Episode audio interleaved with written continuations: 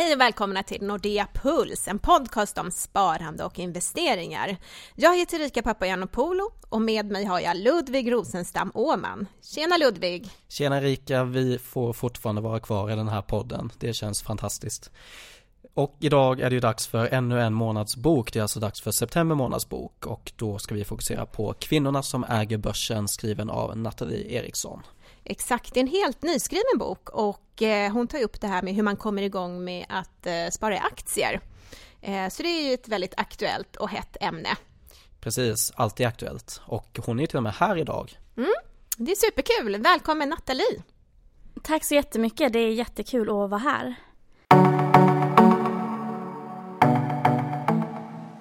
Och det är jättekul att ha dig här också. Eh, hur är det med dig då? Ja men det är bara bra. Jag har verkligen sett fram emot den här podden för jag tycker det är så himla kul att ni lyfter de här frågorna. Men innan vi kör igång, kan inte du berätta vem du är? Mm. Ja men självklart. Jag heter Nathalie Eriksson och jag är 26 år och jag jobbar som projektledare på en digital byrå här i Stockholm. Så jag jobbar faktiskt inte alls inom ekonomi och sparande så som ni gör. Och så för cirka ett år sedan då så bestämde jag mig för att för att skriva den här boken. Så det är egentligen på den vägen som jag har hamnat här hos er idag. Men varför var det viktigt att skriva en bok om aktieplaceringar ur ett kvinnligt perspektiv? Jag tycker att det är himla kul med, med aktier och sparande och jag ser det lite som en hobby kan man säga, en stor hobby. Och um, för ett år sedan på sommaren då så plöjde jag ganska många böcker inom, inom aktier och det finns ju väldigt många bra böcker som är skrivna, många som har massor av erfarenhet. Men jag kände att det saknades lite kvinnor i den här litteraturen. Så då bestämde jag mig för att då får väl jag skriva den boken själv då. Och i den här boken så har du ju samlat nio kvinnor som är väldigt framgångsrika inom eh, finans och sparande och investeringar. Exakt. Berätta ja. lite grann om vilka är de här kvinnorna i boken? Ja, ja. Det är en salig blandning kan man säga. De har väldigt olika perspektiv och vinklar. En kvinna, Patricia Hjärtner, hon försörjer sig som daytrader och har gjort det i sju år. Eh, en annan kvinna, Sandra Bourbon, också kallad för framtidsfeministen. Hon investerar bara i, i företag med, med jämställda styrelser. Så det är en himla olika vinklar, vilket jag tyckte var kul att lyfta. Ehm, så det, ja, det är en blandning. Ja, och det är ju såklart jättekul att få olika personers syn på det här med investeringar och aktier. Eh, men jag tänker på ett genomgående tema där i boken var att många ville att man skulle prata mer om, om pengar bland vänner och generellt sådär. Mm. Eh, varför tror du det är en, en sak att man inte pratar så mycket om pengar? Det finns nog många svar på den frågan men jag tror att ett svar är att det fortfarande är lite tabubelagt. Man vill inte visa sig okunnig. Jag tror att det fortfarande är lite skambelagt att visa att man inte kan så mycket om sparande. Så då väljer man att inte prata om det. Sen tror jag kanske också att många tycker att det är lite tråkigt. Man känner inte att det här är nog ingenting för mig. Men egentligen så är det ju viktigt. Och och pengar är ju roligt för att man kan ju göra roliga saker med pengar och det behöver inte vara att handla dyra saker. Det kan ju vara allt från att ha tid att umgås med sin familj om man har en ordnad ekonomi till att kunna resa eller starta bolag eller bara spara till pensionen. Men jag tror att man inte alltid ser den större bilden utan bara tänker att det inte är så roligt. Men jag är också för att prata ännu mer om pengar. Jag tror att det är viktigt. Hur väcktes ditt eget intresse för aktier? Mm. Det var nog för några år sedan när jag var i ja, början av mina 20 års ålder och, och kände att eh, det finns ju väldigt mycket som är roligt att göra här i livet och jag tror att det är lättare att kunna göra allting man vill om man har en ordnad ekonomi. Så det handlar nog mycket om att, att det, man ser det som en dörröppnare. Ehm, och att då lära sig att förvalta pengarna smart kändes väldigt viktigt. Och då var aktier en del av det. Något annat som är lite återkommande här i boken är att eh, många pratar om att det är viktigt att hitta sin egen strategi och följa den. Eh, jag tänker bara hur, hur hittar du din egen och eh, hur har du kommit fram till den? Ja. När jag började så körde jag mycket buy and hold för det kändes väldigt tryggt och man är ny och vill mest lära sig allting hur det fungerar. Någonting som jag sen har känt lite i efterhand är att jag ångrar att jag inte vågade gå in i bolag som jag verkligen brinner för som kanske är lite utanför det här klassiska svenska stabila stora bolag. Och det är också något som hon Johanna Kull lyfter mycket som är med i boken. Att man kan, man kan absolut investera i stabila bolag men att också våga lita på sin magkänsla kan ibland vara väldigt lönsamt. Eh, och jag jobbar ju på en digital byrå som sagt så jag brinner ju väldigt mycket för de här techbolagen som finns. Allt från Amazon till Facebook och Google. Så jag har verkligen valt att behålla mycket stabila bolag men att sen också gå in lite mer i den typen av techbolag som också är stora men som kanske inte är lika klassiska i Sverige att investera i. Så det har verkligen varit något som jag tycker är kul. Eh, och sen att också testa sig på att göra mer kortare affärer. Eh, en annan sak som jag tyckte var intressant också var att det var ganska många som eh, ja, men de skrev ner sina beslut, alltså mm. eh, köpbeslut och sen analyserade dem. Är det något som du gör också? Ja, men jag gör det. Jag har verkligen tagit till mig det tipset. Jag tycker att det känns väldigt smart. Jag har en väldigt ja, men enkel egentligen Excel-fil på datorn där jag skriver upp alla mina innehav och lite resonemang kring dem. Det känns skönt att kunna gå tillbaka till. Speciellt när det stormar och det liksom, kanske inte går som man hade tänkt just där och då. Så tror jag att det är bra att kunna kika tillbaka på varför man valde att gå in från början. Har du någon specifik målsättning med ditt aktiesparande? Ja, på sikt så vore det ju verkligen spännande att kunna ha en aktieutdelning som man faktiskt kan eh, att det blir lite mer pengar att röra sig med. Just nu så känner jag bara att jag vill bygga upp en ännu bättre portfölj och verkligen bara fortsätta att lära mig för jag tycker att det är himla roligt. Och just lära mig mer om de här korta strategierna och korta köp och sälj-strategierna. Annars är det ju att ha aktier som en del av min, min inkomst egentligen. På sidan av lön och vad det nu är. Du var inne på det lite tidigare att man kan påverka sitt liv och sin framtid ja. eh, genom att ha koll på sin ekonomi och sitt sparande. Kan du utveckla det lite grann? Ja, absolut. Jag tror att det är väldigt lätt att hamna i slentrianmässiga mönster. Allt från att man placerar på liksom i en sparform som kanske inte är så, så bra för att man har gjort det alltid så man, man tänker inte på att man ska se över sina avgifter och så vidare till att kanske inte riktigt komma igång med sitt sparande ordentligt för man tycker att det fungerar som det är just nu. Men att verkligen se över hur man sparar och hur man investerar kan ju göra stor skillnad för ekonomin. Så jag tror att det är, det är jätteviktigt. Och bara nu så pratas det mycket i media om just det här med pensioner och folk som är unga nu att det kanske inte kommer se så jätteroligt ut i pensionskuverten längre fram. Och det är ju viktigt att börja tänka på det även nu, även om det kanske inte är så roligt att tänka på pension när man är 26.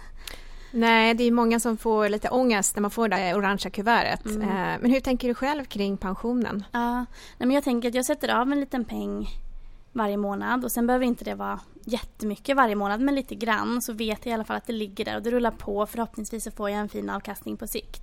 Så, sli så slipper man få ångest precis som du säger varje gång eller varje år det där kuvertet dyker upp. Ja, det gäller att ta ansvar för eh, sin pension. Verkligen. Men det pratas ju ibland om också att eh, kvinnor är mindre riskbenägna mm. och därför hellre sparar i fonder än i aktier. Mm. Vad tror du om det? Jag tycker det där är svårt just för att det är en sån, sån grov generalisering ändå. Det, det kan absolut vara så. Och jag tror att man måste ju inte ta risk om man inte känner sig trygg med det. Jag tror att det är viktigt att utgå från sig själv och vad man faktiskt är, vad som passar ens egen livsstil och, och benägenhet. Men någonting som jag faktiskt håller med om och som jag ser mycket i den här Facebook-aktiegruppen som jag driver, eller är med och driver, det är just att många inte vet hur man ska ta steget i början. Och det är klart att folk inte vågar ta risk om man inte ens känner sig trygg med grunderna. Så jag tror att det är viktigt att fler personer och fler kvinnor lär sig grunderna i aktiehandel för att sen kunna avgöra om man ens är en person som vill ta mycket risk eller inte. Vi kanske kan gå in lite på den där aktiegruppen som mm. du driver. Vad, vad heter den och den, vad, ja. Absolut. Den heter Aktier för nybörjare streck tjejer. Så den hittar man på Facebook? Ja, exakt. Och eh, ja, vad, vad gör man i den gruppen? Ja, men där kan man vara med och läsa om olika ämnen inom just aktiehandel. Allt från strategier till särskilda bolag till ja, men allt möjligt. Och det är många som ställer frågor och kanske visar upp hur man själv gör en analys. Det är väldigt brett. Och um, jag är väldigt glad för det är en väldigt öppen stämning. Folk vågar ställa frågor som är, det är både högt och lågt. Och vad är de vanligaste frågorna man brukar få där i gruppen då, eller ni? Ja, dels är det väl de som är helt gröna som undrar hur man faktiskt kommer igång. Till vart, vilken bank bör man gå igenom, bank eller nätmäklare. Men också många som vill bolla olika innehav. Vad tror ni om det här? Vad tror ni om min portfölj? Och vi är väldigt noga med att inte liksom håsa upp särskilda aktier eller komma med den typen av köprekommendationer. För vi vill inte, det, måste, det känner jag att det måste individen ta beslut genom själv. Men, men man kan ju ändå kolla på en portfölj och se att ja, men du kanske borde ha lite fler aktier eller ska du kanske sprida din risk lite och inte bara ha inom den här branschen. Så den typen av stöttning sker mycket. Eh, varför tror du att den här typen av grupper behövs, alltså den som är inriktad på bara tjejer? Jag önskar att det inte var så. Jag, jag är med i andra aktiegrupper som är för killar också. Jag tycker ju att de är superbra också. Men jag ser ändå en benägenhet i de här grupperna att folk vågar vara lite mer öppna. Och våga ställa lite mer frågor som är både högt och lågt. Jag vet inte vad det beror på men det verkar som att en del kvinnor kanske känner sig lite mer trygga i de stängda rummen. Och det kanske är just när man är nybörjare, man är lite grön och man vill inte framstå som dum och då är det kanske mer eh, lättare att, att ställa frågor i en sluten grupp. Men om vi återgår lite grann till boken. Ja. Vem tycker du ska läsa din bok? Dels så tycker jag att alla personer som vill komma igång med aktiehandel och behöver lära sig grunderna bör läsa den. Och sen egentligen alla, alla människor som vill läsa om coola kvinnor. Jag tänkte lite på det här med ja, men just olika forum och de här grupperna och så. Mm. Jag tror det finns en risk att man kanske förenklar aktiesparande något. Ja, men med tanke på mm. att vi har haft en bra börs eh, de senaste åren och sådär. Ja, nej men verkligen. Och det där är någonting jag har tänkt mycket på. Dels när jag skrev boken och också i gruppen. Att man vill ju inte att folk går in nu, nybörjare, med alla sina besparingar och satsar på en portfölj de precis har byggt upp och sen så rasar allting. Och det är någonting jag känner mycket ansvar för också när jag pratar om de här frågorna. Så vi är ändå väldigt måna om det i gruppen, att prata om att börsen går upp och ner, man ska inte investera alla pengar man har och framförallt inte pengar man behöver inom en snar framtid och att sprida sin risk mellan också fonder och aktier och ha en buffert från början är viktigt. Så jag håller med dig om att det är viktigt att poängtera det gång på gång för annars är det lätt hänt att någon tar ett dumt beslut. Också en sån här liten generell eh, åsikt eller så. Det kan ju ja. vara att kvinnor kanske dras till aktier i mer stabila bolag mm. och eh, män till mindre tillväxtbolag. Du sa ju själv att du hade eh, tänkt så. Varför tror du att det är så egentligen?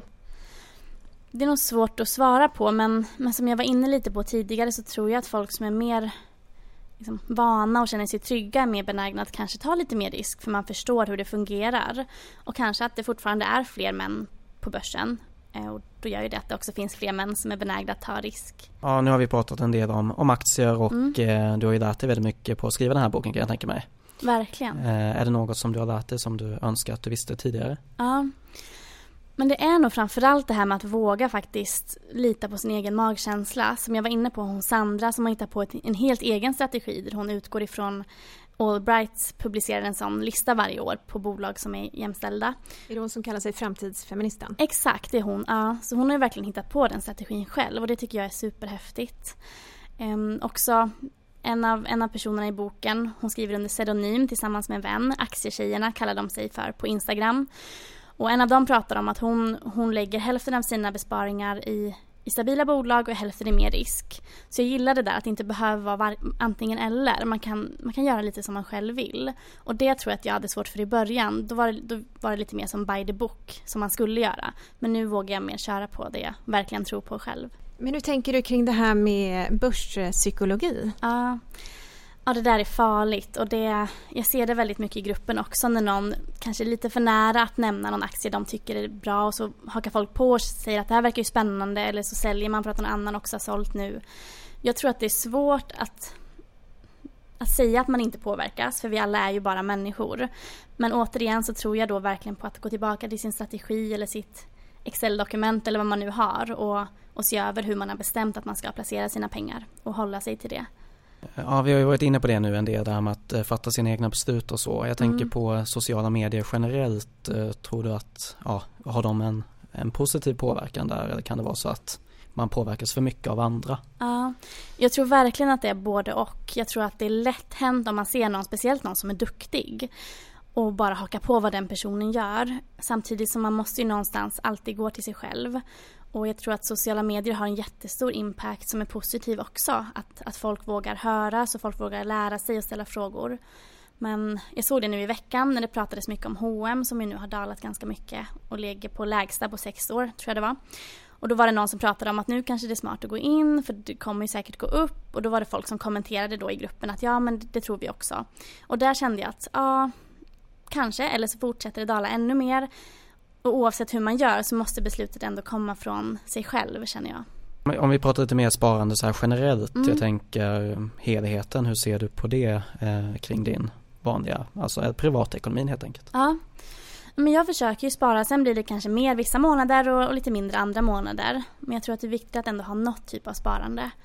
Um, det är en person i boken, Kristina Söderberg, hon är sparekonom och pratar just om mer sparande övergripande.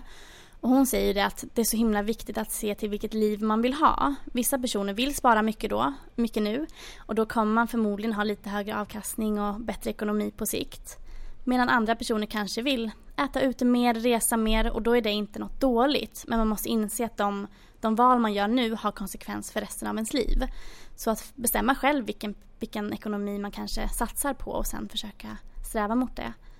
Och kanske också lite i vilken livssituation man befinner Men sig exakt, i. Hur mycket man har möjlighet att, att spara. Verkligen, vissa personer kanske är allt från att man är student till mellan två jobb till ensamstående. Det är klart att alla har olika möjligheter men att man ändå har någon slags plan och sen gör det man kan i alla fall för att försöka uppnå det.